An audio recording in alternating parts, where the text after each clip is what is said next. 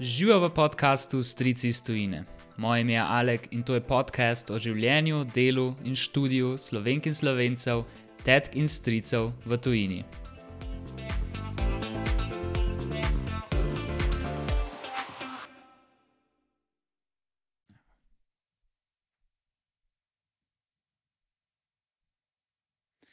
Živijo, pozdravljeni v podkastu Strici iz Tujine. Um, danes sem z dr. Žigo Avstcem.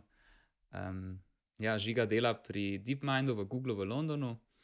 Živijo, kako si? Živijo, pa ti. Super, super. Po mojem, to je prvi podcast po ja, zelo dolg čas, ki ga delam tudi v živo. Um, dejansko žiga je trenutno v Nemčiji. Žiga, najboljš po mojem, da mi malo poveš, iz kje si, kako si začel in kako si prišel do tam, kjer si zdaj. Ja, uh, ja, hvala za povabilo na podcast. Uh, mi je zelo v čast, da sem uh, lahko tukaj. Uh, ja, jaz sem, moja nekakšna študijska pot uh, se je začela v Ljubljani, ker sem začel študirati uh, fiziko. Zdaj, kako, za fiziko sem se odločil zaradi tega, ker mi je zmer zelo dobro šla, sem tudi zelo dobro učitelj uh, in me je tako Malo me je zanimala, po drugi strani tudi nisem vedel, čisto točen. Um, ko bi šel tako, da sem se v bistvu odločil za fiziko, samo zaradi tega, ker sem bil pač dober v njej, pa ker se mi je zdela tako, da splošno zadeva, tako da sem v bistvu tako šel malo na blef, fiziko študirati.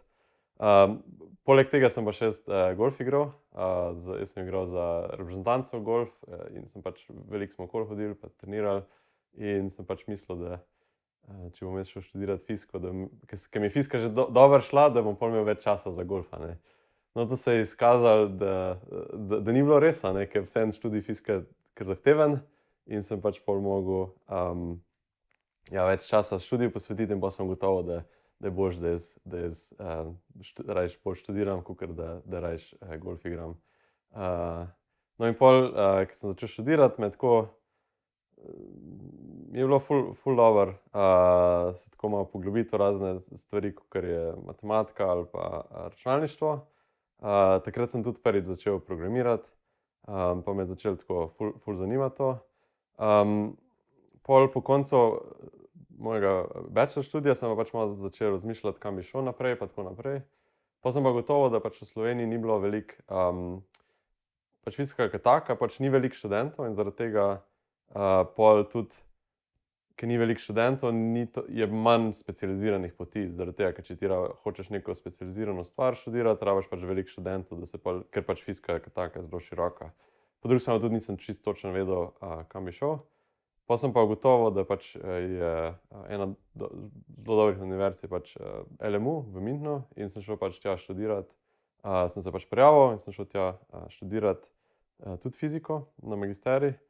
Um, Pogaj sem pa tam študiral fiziko, sem pa pač um, ja, ugotovil, da v bistvu tudi ne vem čisto točno, kaj bom naprej s fiziko delal.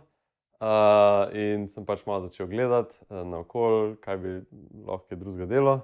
In pa sem pa tako počist uh, srečno na ključu. Um, mi je en priporočil um, uh, en uh, predmet, ki sem mu rekel Machine Learning and Statistical Modeling. To je bilo, mislim, na mojem prvem semestru študija Mintno.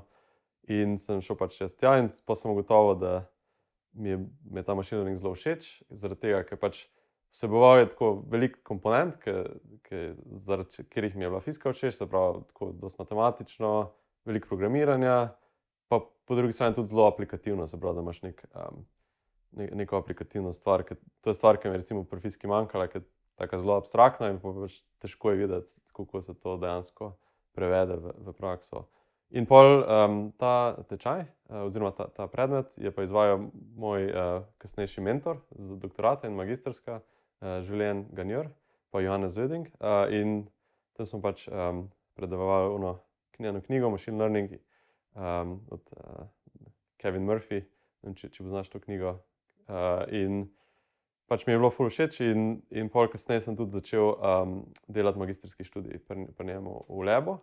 Uh, on se pa, Življen Ganjor, uh, oziroma profesor Življen Ganjor, um, se pa pač ukvarjal z, z genetiko uh, in pač kvantitativno biologijo, um, kjer pa, ki pa pač z um, pomočjo teh algoritmov strojnega učenja uh, poskuša razumeti pač procese, ki se dogajajo v celici, pa tudi kako recimo določene mutacije pol um, se prevedejo v recimo neke bolezenske fenotipe in pač probo to razumeti. Meni je bilo to super fascinantno, ker pač moj oče je zdravnik in mene, mene, mene to zelo tako fasciniralo, ampak sam, ker tak nisem lih, um, bi bil po mojem slab zdravnik, zaradi tega, ker ob pogledu na krvijo nisem lih najbolj herojski. Ne? Uh, ampak nek, neka ta želja po uh, medicini ali pa tako nekem delu, ki je pač za dobrobit ljudi, me je pa zmeraj tako fasciniralo in pa sem ugotovil, da pač mi je to zelo všeč. Uh, in, in sem nekako neko tako dobro kombinacijo najdel. In zdaj, ko nazaj pogledam, se mi zdi to um, zelo dobro odločitev. Ampak po drugi strani je bilo tudi tako zelo, um, zelo na, naključna. Tako pač težko, za nazaj je težko, mislim. Težko je uh, vedeti, takrat v tistem času, da si se prvi odločil in je pač tako malo, um, samo kar srečano. Um, ja, in pol sem pač jaz nadaljeval v tem uh, lebu doktorat. Um, na, na podobni temi. In takrat je bil lih čas, um, okoli 2015, ki so pač te nevropske mreže uh, se začele, full, mislim, so bili prvi članki na to temo, kako se to uporablja v, v tem uh, področju um, kvantitativne biologije. Uh, in prvi model je bil tak, recimo, ki se je napovedoval, kako se proteini. V celicah, na kere sekvence DNA, se pravi, DNA je pač kot veriga um, um, teh uh, um, uh, črk, kot je A, C, G ali pa T.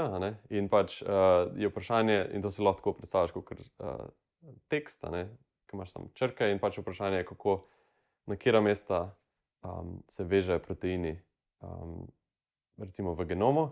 In pač ta problem se da dosti dobro reševati z nevropskimi mrežami, zaradi tega, ker pač. Uh, so te nevropske mreže zelo dobre v prepoznavanju vzorcev, in pač so tudi za te vzorce prepoznavati se izkazale kot uh, zelo uporabne. In pač takrat je me to ful, ful fasciniralo in sem pač um, začel še zmeraj več uh, v tem učiti, in pol takrat naprej sem pač na, v, v tem filmu um, delal. In pa je kar, kar nekako je pol začel to, um, se izkazovati, da je to zelo uporaben, tako še na več različnih aspektov biologije. Um, ja, in pol, ja, sem končal svoj doktorski študij, pa sem pa gledal, kam bi šel naprej.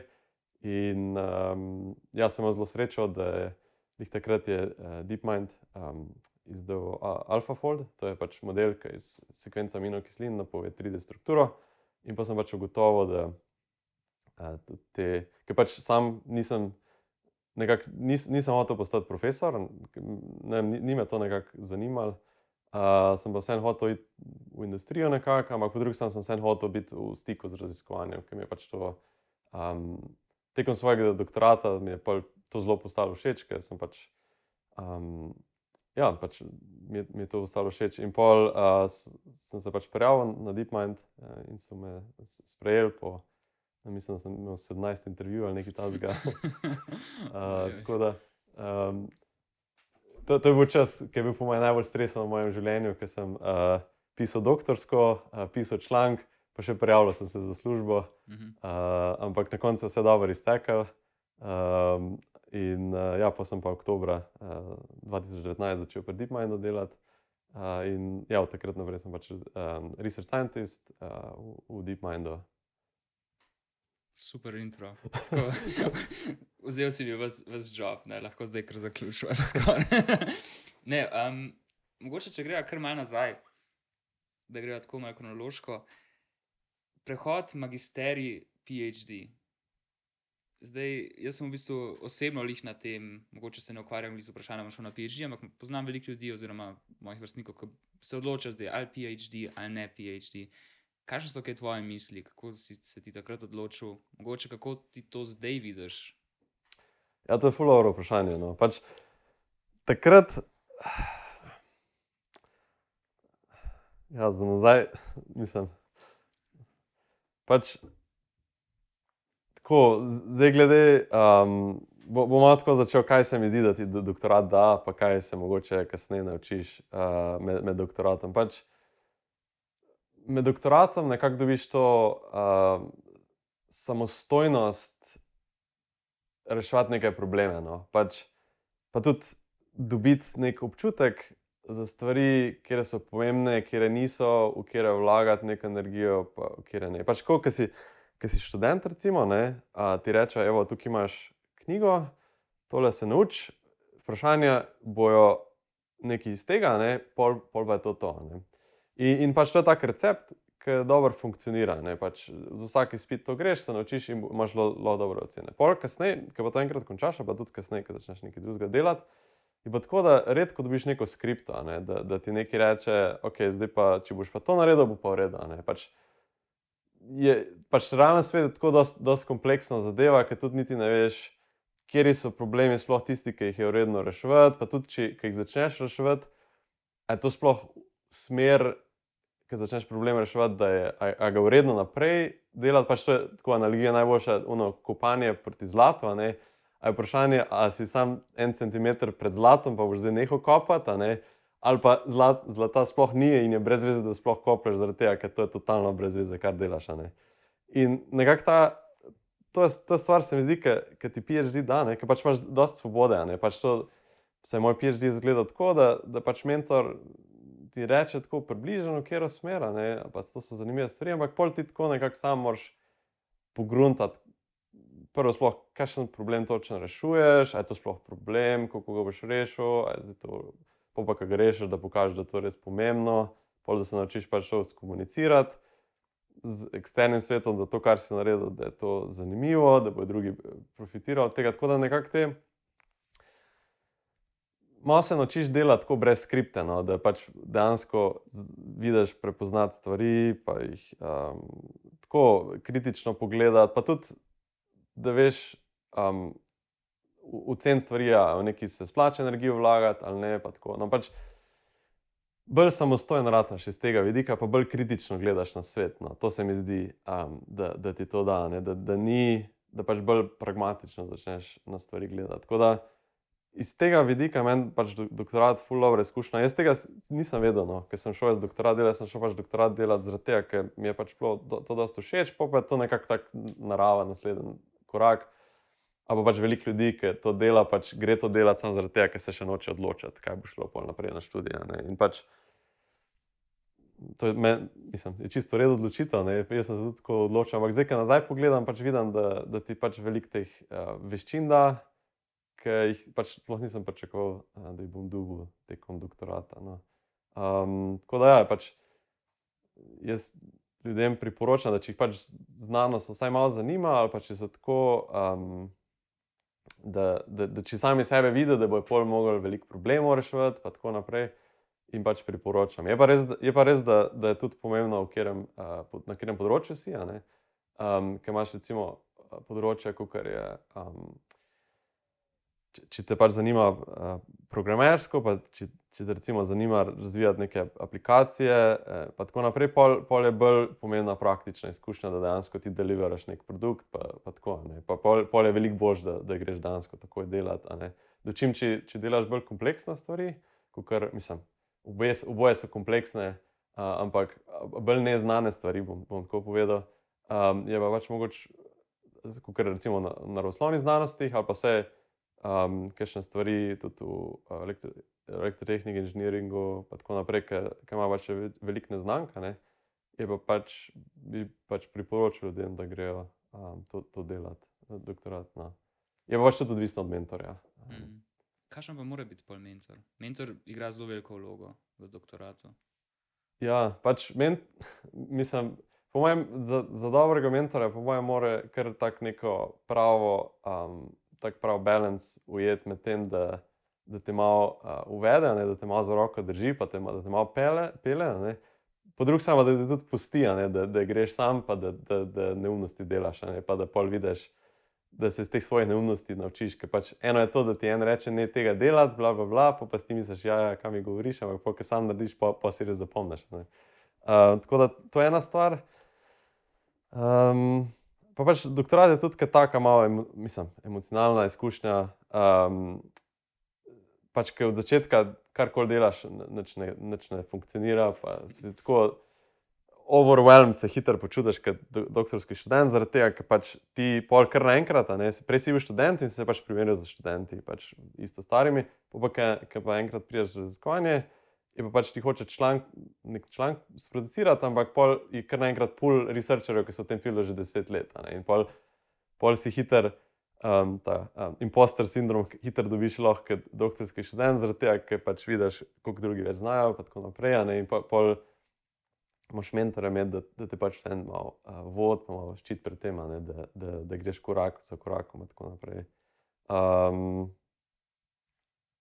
tako da, ja, no, mislim, tež, težko je reči, kaj je točno. Ampak po drugi strani pa tudi to, da, ti, da, ti, da te usmerja tako groben, te pa je fino, da te usmerja. Da pač mentor ima izkušnje tako iz svoje. Um, Starega, pač, ki je veliko že stvari videl, in da pač ima nos za neke stvari, ne, da, da ve, ker stvar recimo, ima nek potencial in da pa, pač ti reče, da ti to malo tisti pogled. Pač, če vidiš tako, da te pač malo, da ti smer nakaže. Ne. Pol pa je fajn, da, da se pač študente, po mojem, pusti, da, da malo pol a, sami to procesirajo, pa, pa probajo. Pa tako naprej. Zamenjaš tudi ta impostor sindrom. To je taka tema, ki ja, v bistvu se tudi vem, z mojimi kolegi, recimo, pa so recimo, tudi študenti fizike ali pa drugimi. M, ta tema pride velikrat recimo, na, na površje, pa se veliko o tem pogovarjamo. Pa, um, vem, tudi jaz osebno, več, kar ne imam feeling, da jih tako ne vem, pa da drugi ful več vejo. Um, pa kaj sploh delam. Vedi, vse, kar mi je ratelj, pač je bila malce sreča, pa mal, ne vem, um, bil vsak moratelj, recimo, že skoraj. Kako se ti s tem uh, soočaš? Ja, to je tako ful zanimiva tema. No. Tako, jaz sem, to sem se jih tudi v DeepMindu. Uh, s, tem, s enim kolegom pogovarjal. In kaj je dobro, tako um, graf je tako, da um, na x osi je pač časa, ne? na y osi je pa koliko se pač počutiš imposter ali pa koliko se pa pač počutiš, da si res dober. Ne? In pol ponad ta zadeva je, da začneš full niha med tem, da si, oh moj bog, I'm so good, do tega, I, I don't know anything, ne? da, da neč ne, ne zveš. In s časoma se pa pač to nekako, to osciliranje se nekako približuje neke, neke stalnosti. Tako da veliko ljudi je, ki to, um, ja, ki, mislim, hitro se tako počutiš, sploh, ki si enkrat v takih krogih, ki si pač obdan z res pametnimi ljudmi. In se pač imaš hitro, dobiš tako občutek. Um, tudi jaz ga včasih dobim. In mislim, pa tudi veliko ljudi, ki sem se z njimi pogovarjal, pač hitro dobiš. Ampak pač to je velikrat tak paradoks, ne, zaradi tega, ker v bistvu si, si v takem mehkem pulu ljudi, ne, ki so bliže selektirani, tok pa tok. Pač, če ti nazaj pogledaš, um, ja, pa če greš v osnovno šolo, koliko ljudi je bilo, koliko procent ljudi je bilo, ki je šlo naprej, pa pol naprej. In pol tok, tok procesov selekcije in pol to pač eksponentno se zmanjša število ljudi, ki to delajo, ne? in pa si hitro se tako počutiš. In pa imaš občutek, da so vsi taki. Um, tako da, ja, po, po drugi strani pa ne vem, je, kar, kar je meni včasih pomagalo, je pa pač to, da, da so eni, pač, da smo ljudje smo si ful različni. In imamo pač veliko različnih aspektov, ne, nas, ne, imaš veliko različnih področij, ene na temo dobro, druge na temo dobro podatke, ki te nekaj stvari zanima, ne, pol, pa rečeš, ok, jaz hočem biti najboljši v X. In pol rečeš, ok, kdo je najboljši v X, pa uno osebo najdeš in pa vidiš, uno oseba je ful boljša od. Ne, in pol misliš, da si slab ja, človek, pa kar tako zaradi tega, ker se sam na enem parametru primerjaš to osebo, pa še, pa še to osebo si izbral tak, tako, da je pač ta oseba najboljša na tem filmu. In pol hiter tako. Zgubiš celotno sliko, ne, da, da je v bistvu samo en parameter, ampak v bistvu je parametrov ful velika. Ne, in pač Um, da se, ja, ne smeš se tako zmeraj samo na eno stvar primerjati z drugimi ljudmi. Pa tudi na splošno se pač ja, lažje ti je, če se sploh ne, ne primerja. Zaradi tega, ker vsak ima neko svojo pot. Ne, pač, um, ja, po, se mi zdi, da če se nehaš primerjati z drugimi, ti je pol veliko lažje. Mm, ja, to je taka stvar, ki je. Se mi zdi, da zelo lahko jo je reči, pa razumeti na nekem racionalnem nivoju, tako emocionalno, pa globoko v sebi je pa tako zelo težko Eh, to sprovesti v realnost. Um, se, se strinjam. Ja. k, um, ti si potem, se pravi, na PhD-ju, je bil mogoče, si se kdaj ukvarjal z problemom, da jaz delam zdaj PhD iz vem, biofizike ali pa genomike.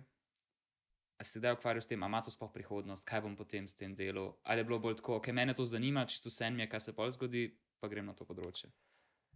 Ja, ja jaz sem, mislim, tako dva, ta, dva ključna trenutka se spomnim, kako sem se za te stvari odločil. Malo, tako. Ena je bila ful, ena tako zelo zanimiva anekdota, ki sem jaz pač imel malo tako. Razmišljal sem, kaj bi, pa gor pa dol s fisko. Ne. In pa sem začel z googlati, in pa jaz v Google napišem from physics to, in pa mi autocomplete data science. In pa sem začel data science gledati in me to ful zanimalo, in pa mi je to bilo ful všeč, sem ful, ful stvari začel to gledati. To je bil nek tak prvi hint, da, da sem bolj v te podatkovne stvari šel, pa, pa tudi učenje iz teh podatkov. Druga stvar je bila pa to, da smo, mi smo imeli naročen Nature Review, um, uh, ki je Cimer, ki je takrat uh, stanoval z, mano, Marin Ferrara je pač si uh, naročil uh, Nature in tam sta bila dve tako glavni temi na naslovnicah. Ena je bila tako človeški genom, pa razumevanje tega, druga je bila pa neuroznanost. Ne. In pol sem se, meni so obe stvari malo zanimale, pa sem tako jaz se odločil, da pač neuroznanost je tako veliko bolj komplicirana, kot je genom, ki je tak. In pa sem rekel, ok, bom, bom jaz raje šel v drugo smer šel. In pa sem začel to gledati, malo, kako se stvari, in pa sem ugotovil, da v bistvu to je full redo film. Tako da pač jaz sem, malo sem vedel, ne, da, da je to tako, da, da, ima, da, ja, da je zanimiva stvar, tako biologija, pa tako naprej. Nisem pa čisto točen vedel. Um, stvar, ki sem jo res vedel, da, da je pač ima full velik potencial, je pač strojno učenje. Zaradi tega, ker sem pač videl, kako se to a, se začelo v praksi uporabljati, pa tudi tako, če, če malo razmisliš, da je pač veliko podatkov se sproducira ne, in pač način, pa čim je veliko več na, na webu, je teh algoritmov, pa tega. Ne, in pač pol vidiš, da je ta glavna komponenta tega je pač um, umetna inteligenca oziroma strojno učenje. In pač po, zato sem pa siguren bil, da bo, um, da bo zelo uporabno in zaradi tega sem pač uh, tudi to šel delati. Tako da malo sem vedel, da je, malo pa tudi nisem vedel. Pač, tež, težko je reči. Ampak po drugi strani pa tudi, ne vem, v življenju, po mojem, moraš biti pripravljen biti tako dosti fleksibilen in pragmatičen glede teh stvari, ker pač te stvari pridejo v valovih. Ne? Pa je neki cajt, neki na haj, pa neki cajt, pa ni. Ampak pač po mojem, nek, neke osnovne znanja, pa neke take uh, osnovne kompetence ti zmer prav pridejo. Ne? In pač lahko tudi ne glede na to, kakšna sezona je, bom tako rekel, da, da pol sen znaš kritično razmišljati, pa tako ne. Da, da, pač, um, ja, da, da pač neke veščine so, ki ti bo pač zmer, zmer pomagale. Recimo, no. So to bolj take meta veščine, e, Reci, razmišljati. Recimo, ja, ja, ja. Ampak pač že, že tako, kako se s problemom zraven spraviš, kako se organiziraš, kaj delaš. Pa, pa, ja, take stvari. Pa to, da recimo dobro znaš programirati. To, to je stvar, recimo, ki pač ljudem, ki so v. v filu, ki ima vsaj nekaj izprogramiran, pač zmer priporočam, da pač dobro programirati, se naučiti izmer fuloredno, zaradi tega, ker pač večina dela, ki ga danes upravijo ljudje, mislim, tako v teh filih je skozi kodo, pa pač komunikacijo, to je pa drugi, drugi aspekt. Um, tako da to so take stvari, ki ti bo pač pol zmeraj fulovo služile. Zdaj ti omenjaš to dobro komunikacijo. Komunikacija je taka beseda, ki je zelo široka. Kaj sploh je dobra komunikacija? v tvojem, ja, v tvojem delu? Um, pač v znanosti je komunikacija zelo pomembna, zaradi tega, ker pač osnovno vprašanje, ki uh, nekaj narediš, ne, um, je, to je tudi moj mentor me zmer vprašal, je pač pol dobiš, je so what. Ne. Pač nekaj si naredil in pol so what. In pač kaj je način komunikacije, ti da uh, bralca, um, recimo svojega članka, prepričaš, zakaj je to neka stvar sploh problema. Ne in zakaj je to, kar si ti naredil, pomenilo, oziroma kako, bo, kako to pomaga reševati ta problem. In pač to je, to je zelo pomembno, zaradi tega, ker če ti tega ne znaš sam um, argumentirati, pa pač jasno predstaviti teh argumentov, ne pač kdo pa bo drug, če ne boš ti tega naredil, kot prvi, kot pač osnovni avtor tega članka. Pač. In je pač zelo pomembno, da ljudem res na pladno serviraš neke te osnovne ideje, da pač hitro razumejo. Zaradi tega, ker pač ljudje so zelo, recimo, v znanosti, tako da so pač zelo s časom omejeni, pač članka je fula. Ne? In pač kako zdaj ti ja, dejansko na hitro, pa tako dejansko te ključne stvari veš povedati, da bi pač ljudje dejansko to povezali s tistim, kar oni delajo, recimo, in jih bo to dejansko zanimalo, ker bo ugotovili, da to, kar ti reševajo, je v bistvu tudi njihov problem. Um, tako da je pač, ja, komunikacija je pač to, da deliš neko stvar z drugimi in da tudi drugi razumejo. Ne? Je pač nek kanal, ne? da iz enih možganov gre v druge možgane. Ne? In pač je to zelo osnovna, tako, zelo pomembna stvar, ker tudi se mi zdi tako. Um, ja, intelekt človeštva ne, je pač v veliki meri tudi se pripiše k temu, da smo si pač naučili dobro komunicirati prek tiska, ne, pisanja, pa tudi internet temu prispeva. Ne, ke, um, ja, pač to, sploh v tej internetni dobi je to noro pomembno. Mm, mm. Kako si pa šel potem iz PhD-ja do DeepMinda? Zdaj ti si rekel, ko si pisal ja, diplomo, oziroma ne diplomo, ja, PhD si v bistvu takrat tudi prijavil, 17 intervjujev, to je verjetno zelo nek tak kompetitiv um, oddelek. So bile še kakšne druge firme, ki so te zanimale? Um, ja, kakšna je bila potem ta pot?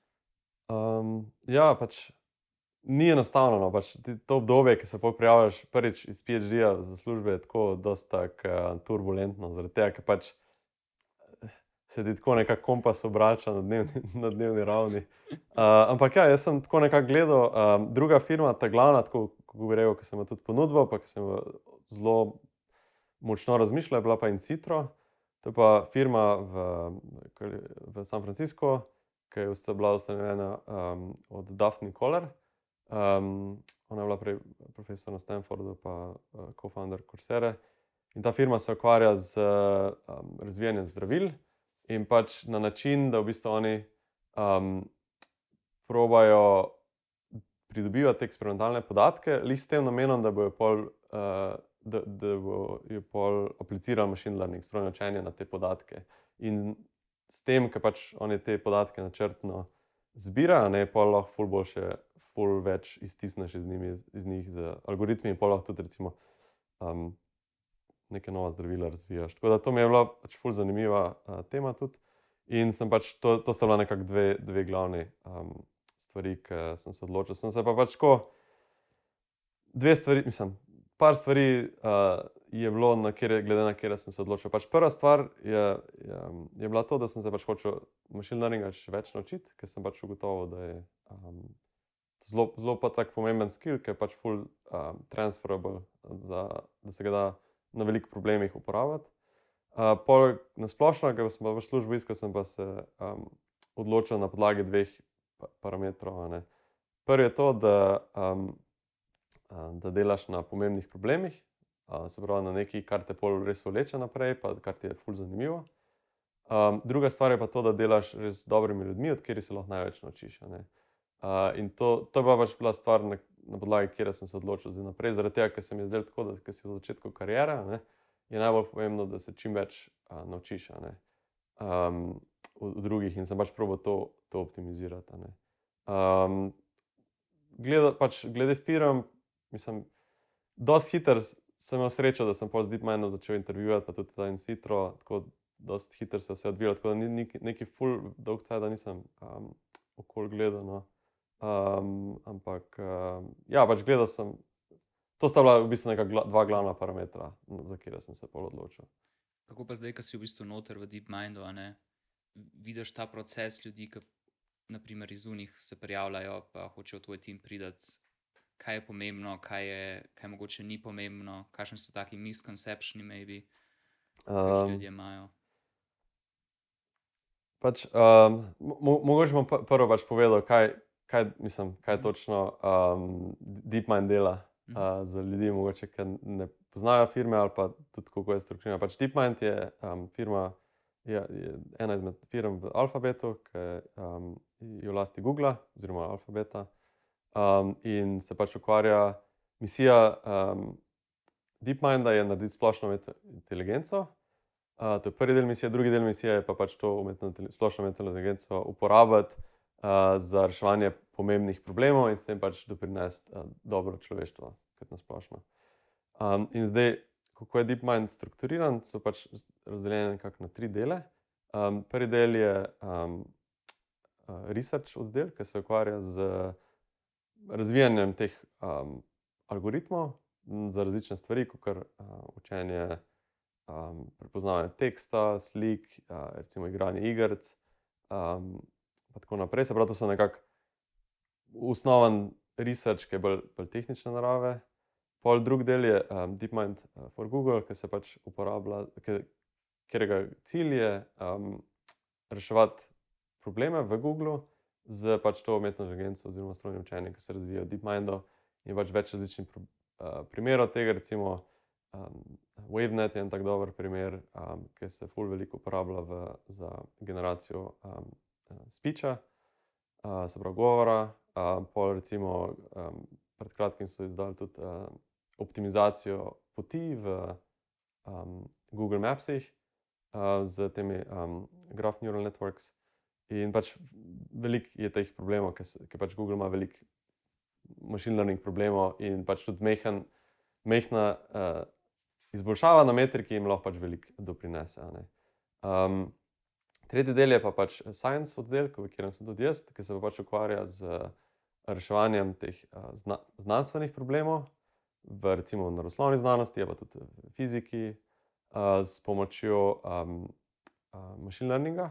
In najbolj, najbolj znan primer je recimo AlphaFold, ki sem ga že prej omenil, ki napove um, 3D strukturo proteina iz aminokislin um, z, z, z primerljivim, pa skoraj tako dober, kot uh, recimo z eksperimentalnimi podatki z um, um, X-ray kristalografi. Tako da, ja, pač mi v, v naši ekipi ne, pač iščemo ljudi, ki imajo nekako. Um, ki pokriva dve glavni, um, dva, dva glavni področja. Pač določene, mislim, se zelo preliva ali je bolj na inženirske.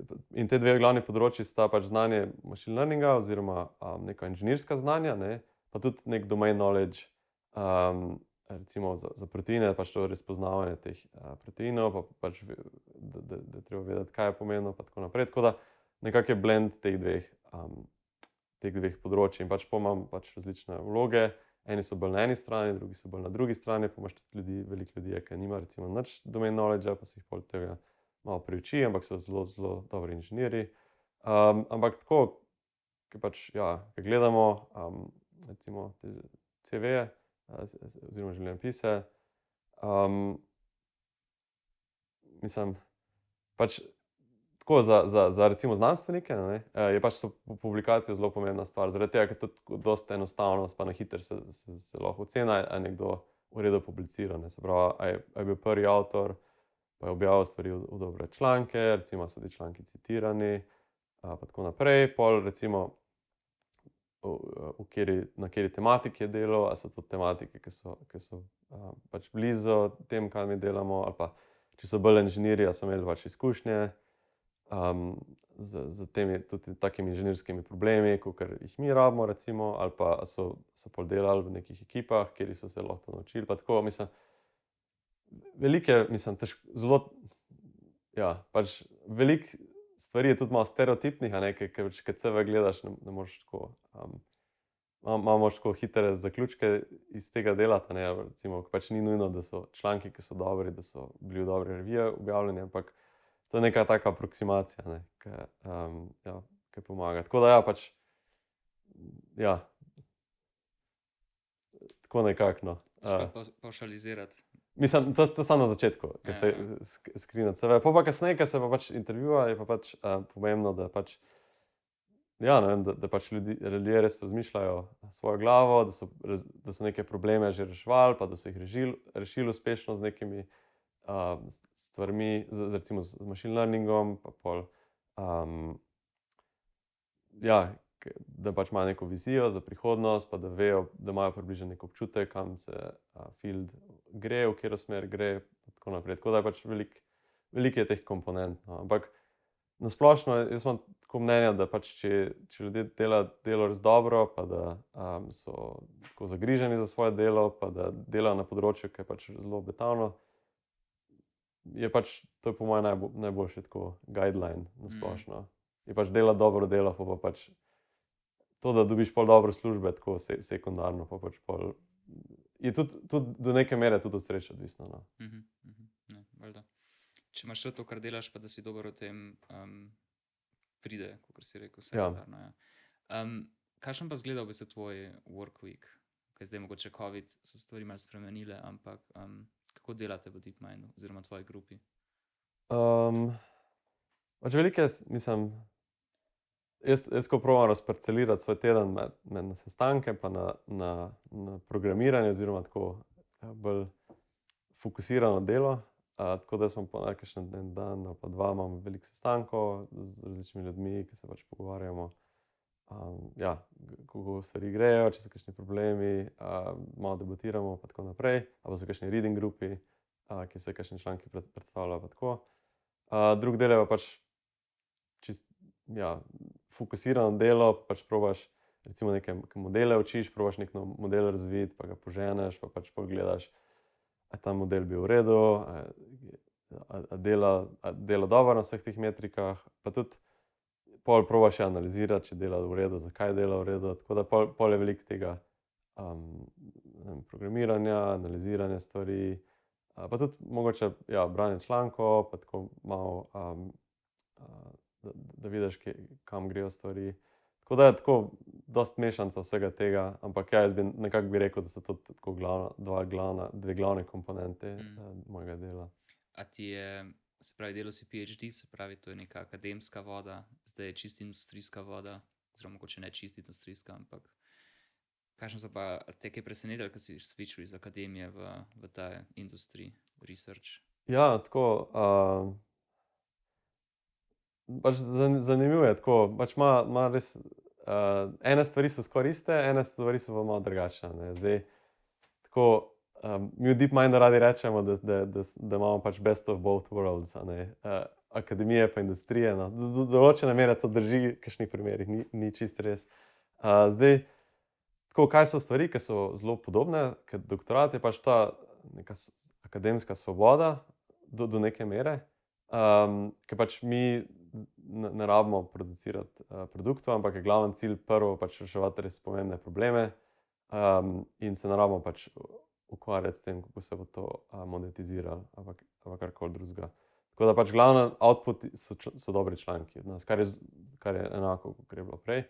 Um, pa tudi tako, pro, probleme, ki jih rešujemo, so pač tudi blizu tistem stvarem, ki sem jih jaz delal. Se pač ukvarjamo z, z biologijo, pa z reševanjem problemov v biologiji, in tako naprej. Tako da to so stvari, ki so zelo podobne. Tudi, um, ja, tako da načini problemov pa, pa tako so podobni. Zdaj, stvar, ki je malo drugačna, je način, kako se tega reševanja lotiti. Um, zdaj, firme, oziroma pač DeepMind ima prednost v to, da lahko bolj fokusirane, uh, se pravi, da, da dajo lahko več ljudi na, um, na en projekt. Zaradi tega, ker pač se pač ta proces, ja, ki pač je cilj, ki pač imamo recimo, veliko inženirjev, ki so, so res dobri in pač. Uh, Jih pač lahko uh, nam pač pomaga, recimo, te probleme reševati. Tako da je ponovadi to je razlika, da, da pač na projektih, da imajo projekti veliko več uh, ljudi, ki samo en ta problem rešuje. Ne. Recimo AlphaFold je tako res dober primer, ker pač to je res ekipa ljudi, ki je pač ta problem reševala in so pač te nevronske mreže učili in, in jih izboljševali um, kar nekaj časa, da, da so do tega prišli. In to je neka stvar, ki jih je res težko replicirati v akademiji, zaradi tega, ker pač. Večinoma, ne vem, kako lebi funkcionirajo, tako da imajo pač um, imaš PIA, ki vodi lab, pa imaš pa PhD študente, kjer jih pač, oni bi se pač raziskuješ, po drugi strani pa tudi se izobražuješ. In, pač sem, in, vsak, in je cilj, da, da vsak nekako na svojem projektu dela, zaradi tega, da, da se celo zadevo nauči en stojent, od začetka do konca. In, in pač imaš manj teh, uh, imaš, mislim, imaš kolaboracije, ampak jih je um, manj, oziroma so bolj pokriva recimo, več različnih aspektov, kot je recimo eksperimenti, pa pač praktičen del. Dočim tukaj v DeepMindu pač večinoma sem računski del in veliko več ljudi dela na tem. Um, pač, ja, v Lavi imaš tudi pozdoke, ki mogoče malo bolj zgledati, kot mi delamo, ki, imajo pač nekaj izkušenj, pa tudi lahko z več ljudmi uh, kolaborirajo. Ampak še vsem nekako manj je te kritične mase, ki se nekaj probleme rešuje. Ne. Um, mislim, vse v znanosti so tudi konzorciji, pa to, katero rešuje, ampak pač, um, mogoče te konzorcije so tudi bolj fokusirane s produciranjem podatkov, kot mogoče v tem, da se pač, da vsi delajo recimo na, isti, pod, na istem codebaseu, ne pa vsi, vsi z iste stvari, pol naprej, proba to stvar pušati. Um, tako da zdaj, če pa hočeš tako delati, ne moš pa pač bil. Ker pač nimaš uh, neomejeno resursa, ne moreš pa pač biti zelo previden, kje stvari izbereš, na kjer boš delal. Um, in imaš pač nek, neke bet, ne, na neki moš stavati. Ne? In, in pač zaradi tega ta procesa, ne, na, na čem bomo delali, pa tako naprej, pač fulbol, fulbol da traja. Ne? Ker recimo v akademiji pač imaš idejo, pa pač začneš ne, delati. Ne? Do čimer tukaj, pa pač moš vse ljudi prepričati, da je to pomembno, pa da, da, da, da je to smiselno delati, pa tako naprej. Ampak mislim, se je tudi veliko fleksibilnosti. No? Kuk, um, mislim, je, je nek oba dva dela, na, v reinforcement learningu se reče pač exploration pa exploitation dela. Ne. Uh, je tudi velik exploration, ki se pač stvari dela, ampak na koncu je cilj nekako, da se vsem fokusira v neko stvar in da se bolj tisto stvar izpele. No. Da, uh, to je neka glavna, glavna razlika no, v, v primerjavi z, z akademijo zdaj. Manj imamo pa fleksibilnosti z recimo kolaboracijami, pa tako, zaradi tega, ker smo vse en uh, firma in pač moramo vse en res gledati, da so vse licence v redu, ker dobimo neke nove podatke. Pa pač, če kolaboriramo z ljudmi, moramo vse um, nek, nek formalno pogodbo imeti z njimi, in tako naprej. In pač, to so stvari, ki so pač mogoče malo. Um, pač malo, malo smo manj fleksibilni glede tega. Ne. Kje pa ti vidiš um, glavne probleme machine learninga, mogoče na tvojem področju ali pa na splošno? Um, machine learning je tako zelo nahajpano področje je, mislim, po eni strani je nahaj, pa po drugi strani pa tudi. Po drugi strani tudi sem, kako bi rekel po angliško, justify. Pač, po drugi strani tudi sem potrduje, da, potrduje da, da je res dansko v redu, da je tako. Pač, mislim, machine learning tako ni, ni silver bullet, definitivno ne. Pač je, je mehen spekter problemov, kjere, za kere res dobro funkcionira. Um, pač glavno je to, da je pač veliko podatkov ne, in da, da je tudi nek vzorec, ki se ga prepoznava s temi stvarmi, da se ga vsem da ven izluščiti iz tega, pa da imaš zadost podatkov, da to lahko izluščiš. Zdaj, pač, če imaš premalo podatkov, ali če so podatki slabi, ti to čisto ne pomaga. Ne? Pač, ne vem, mislim. Ja, pač to, to je tako glavni shortcoming, je pač, da rabaš veliko podatkov, kot učiš te mreže. Pa, pa je to praktično neka rešitev zdaj v nekih domenah, dobiti zelo veliko podatkov za vse možne scenarije, ne mogoče, oziroma zelo, zelo, zelo težko. Plus, modeli vedno večji ratujejo, kar ima tudi neke konsekvence na energetskem področju. Ja, in tako. Ja. Pač mislim, da ja, do, do, dobro smer si vprašal, oziroma me. Ja. Pač, Naj porino. ja, ja, porino. Pač glavna stvar je tako, generalizacija je definitivno glavna problema. Ne? Zaradi tega, ker pač večino modelov se uči na temu, se reče, observational data. Ne? Uh, in zdaj, ker se pač v tem modelu neke stvari, vzorce prepoznavati naučijo, ne? ni nujno, da bodo neke kozalne relacije uspeli prepoznavati, ne? pa tudi te uh, biase, ne? ki so v podatkih, bojo pol tudi reinforcali, um, kar je pač zelo kritično, če se kakšne stvari deploja v take kritične stvari, kot recimo ne, um, na, na sodiščih, ki se pač odločajo a, za, za različne stvari. Pač je zelo pomembno, da, da so te modeli res unbiased, pa, a, da res na tiste stvari gledajo, ki so dejansko kauzalne, ni pa, niso pa samo tako, da so ja, correlated. Z, z, z outputom niso pa dejansko uh, pomembni. Tako da to je, to je glavna tako, limitacija, da, da, da se te stvari, ki se uči, da se uči nekaj vzorce, ni pa nujno, da, da so kazalni in pač s tem tudi, če ti hočeš ta model nek, na neko novo domeno ap, um, aplicirati, ne, ni nujno, da boš dobro lahko generaliziral. Ne. Pač imaš veliko teh blind spotov, ki modelih ni zaobjel in pač ni nikoli videl in, in pač ne bo, ne bo dobro znal, tako da jim bo overconfident. Da, ja, pač to je, to je ena, ena stvar, ki je pač zelo uh, problematična na splošno. Pol, ja, računska zahtevnost teh algoritmov je definitivno. No. Zdaj, zdaj, zadnji trend v machine learningu je naučiti model z največ parametri, um, sploh za te um, um, algoritme, ki se učijo iz prepoznavanja teksta. In pač to veliko stane, da se ta model nauči, um, pa tudi računsko je netrivialno. In ja, pa je pač se veliko elektrike pokur za to, definitivno. In zdaj je pač vprašanje, kam gre to, če, če bomo to še, še naprej delali. Uh, š, tako da je pač veliko, pomem zelo pomembno to delo, da se te stvari bolj eficientno naredi, in tako naprej. Um, ja, tako da to, to sta dve taki stvari, ki se mi zdi, da ja, si, si ti omenil, um, zelo, uh, mislim. Pa imaš še enkrat problema, kot te adversarial examples, ki pač mreže prepoznava, ki jih, ki jih hitro lahko prilisičaš, da, da daš neke vzorce, ki v bistvu, mislim, da malo spremeniš input v ta pravo smer, da, da greš v bistvu v blind spot tega nevronske mreže in pa pač da, uh, da pol to, um, da, da pol v bistvu prilisičaš, da na mestu, ne pande napove, da je to avto ali karkoli mhm. tazga.